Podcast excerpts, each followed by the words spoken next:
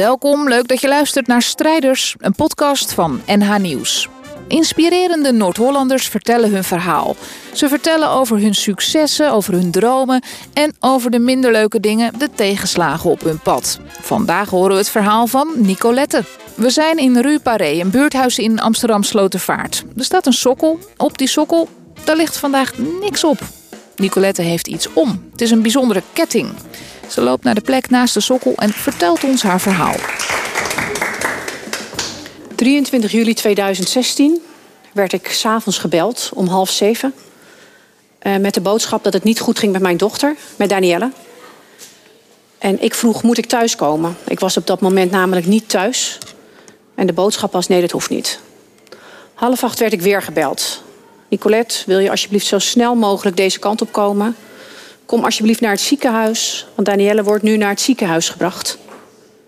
En ik ben in de auto gestapt en wij zijn naar het ziekenhuis gereden. En daar kom ik s'avonds om tien uur aan. En ik uh, open de deuren van de eerste hulp. En ik kom daar in een ruimte terecht. Waar allemaal mensen heen en weer aan het rennen waren. En waar heel veel paniek was. En waar ook heel veel geluid was. Want ik hoorde namelijk iemand heel erg hard schreeuwen. Geluiden maken. En ik werd meegenomen naar die ruimte waar dat geluid vandaan kwam. En het geluid bleek van mijn Danielle af te komen. Want die lag daar namelijk op het bed. Zes verpleegkundiges, twee artsen. En de arts vroeg aan mij: Heeft uw kind drugs gebruikt? En ik zei: Nee, want dat doet ze namelijk niet.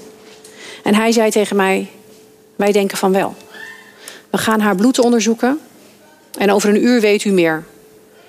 Ondertussen zag ik dat de thermometer bij mijn dochter in haar oor werd gestopt. En daar zag ik 42,7 graden op verschijnen. En ik zag ook de paniek bij de verpleegkundigen zag ik verschijnen. En zelf had ik ook zoiets, dit is heel erg fout. Danielle werd in een bed met ijsklontjes gelegd, natte lakens. Alles maar om haar temperatuur weer naar beneden te krijgen. En dat lukte niet. S'nachts om een uur of half één bleek dat wij van de eerste hulp weg mochten naar de intensive care. En daarvoor had ik de arts nog gesproken en die zei tegen mij: In Danielle haar bloed hebben wij MDMA en amfetamine gevonden. Een ander woord voor ecstasy in dit geval. En amfetamine is een ander woord voor speed.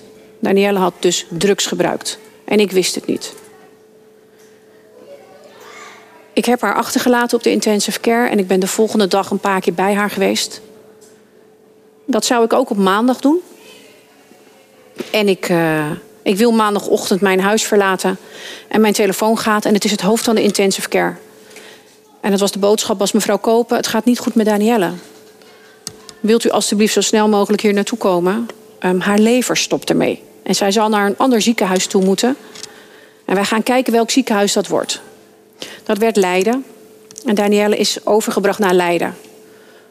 Ondertussen heb ik uh, Danielle, haar broertje en een van haar zusjes afscheid laten nemen van Danielle. En een ander zusje die in Frankrijk op vakantie met een vriendinnetje was, heb ik naar Nederland laten halen. En wij zijn met haar naar Leiden gegaan. Daar is Danielle aangemeld voor een levertransplantatie. En s'nachts om twee uur ben ik gebeld dat er een lever was gevonden. Om zes uur werd ik gebeld. De lever is geschikt voor Danielle. En s'morgens vroeg, um, na zessen, zouden zij haar gaan opereren. Is zij geopereerd? Ik moet het anders zeggen. Is zij geopereerd?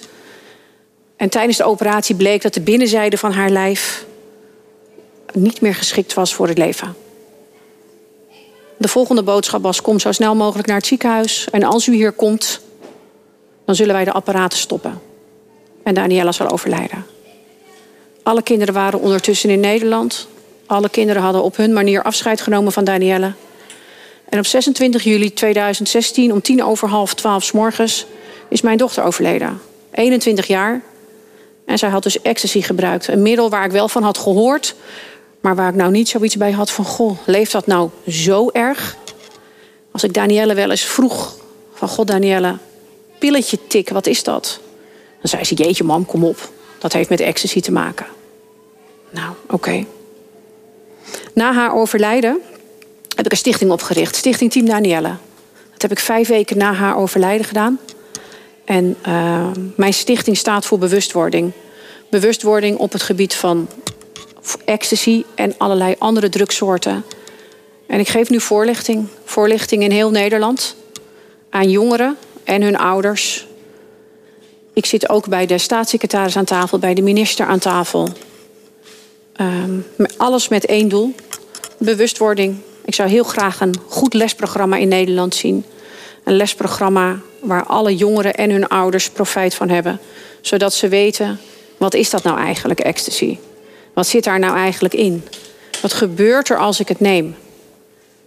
Um, helaas gebeuren er nog regelmatig ongelukken. Zo ook afgelopen week werd ik hierover getipt. Dat een 21-jarig meisje in mijn uh, nabijheid ecstasy had genomen en overleden was. Um, voor deze ouders heb ik een uh, Facebookgroep opgericht. Bij die ouders zijn ook andere ouders nu aangesloten. 96 ouders heb ik nu die met elkaar communiceren over hun kinderen en de dood. Ecstasy, dat blijft uh, het onderwerp waar ik steeds over blijf praten. Ecstasy blijkt uh, nou, een soort van gemeengoed te zijn geworden in Nederland. En niet alleen in Nederland, maar in de hele wereld. Daar kan ik me zorgen over maken.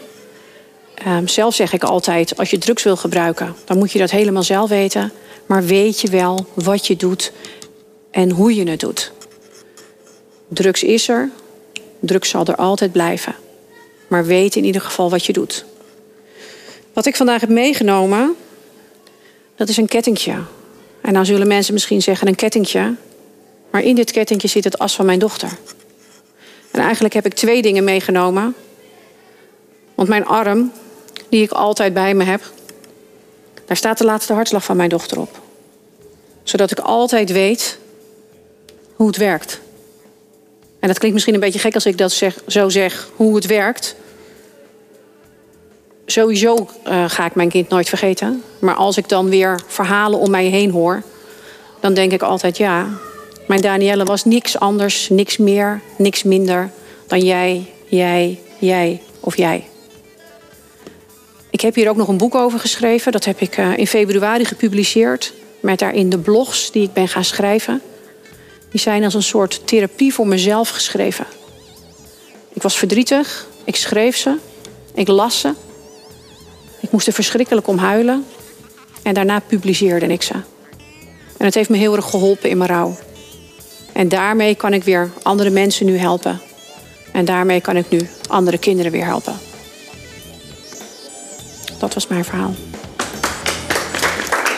Dit was het verhaal van Nicolette uit de serie Strijders van NH Nieuws. Abonneer op deze podcast, dan krijg je vanzelf de nieuwste aflevering. En alles over onze strijders vind je ook terug op nanieuws.nl/slash strijders.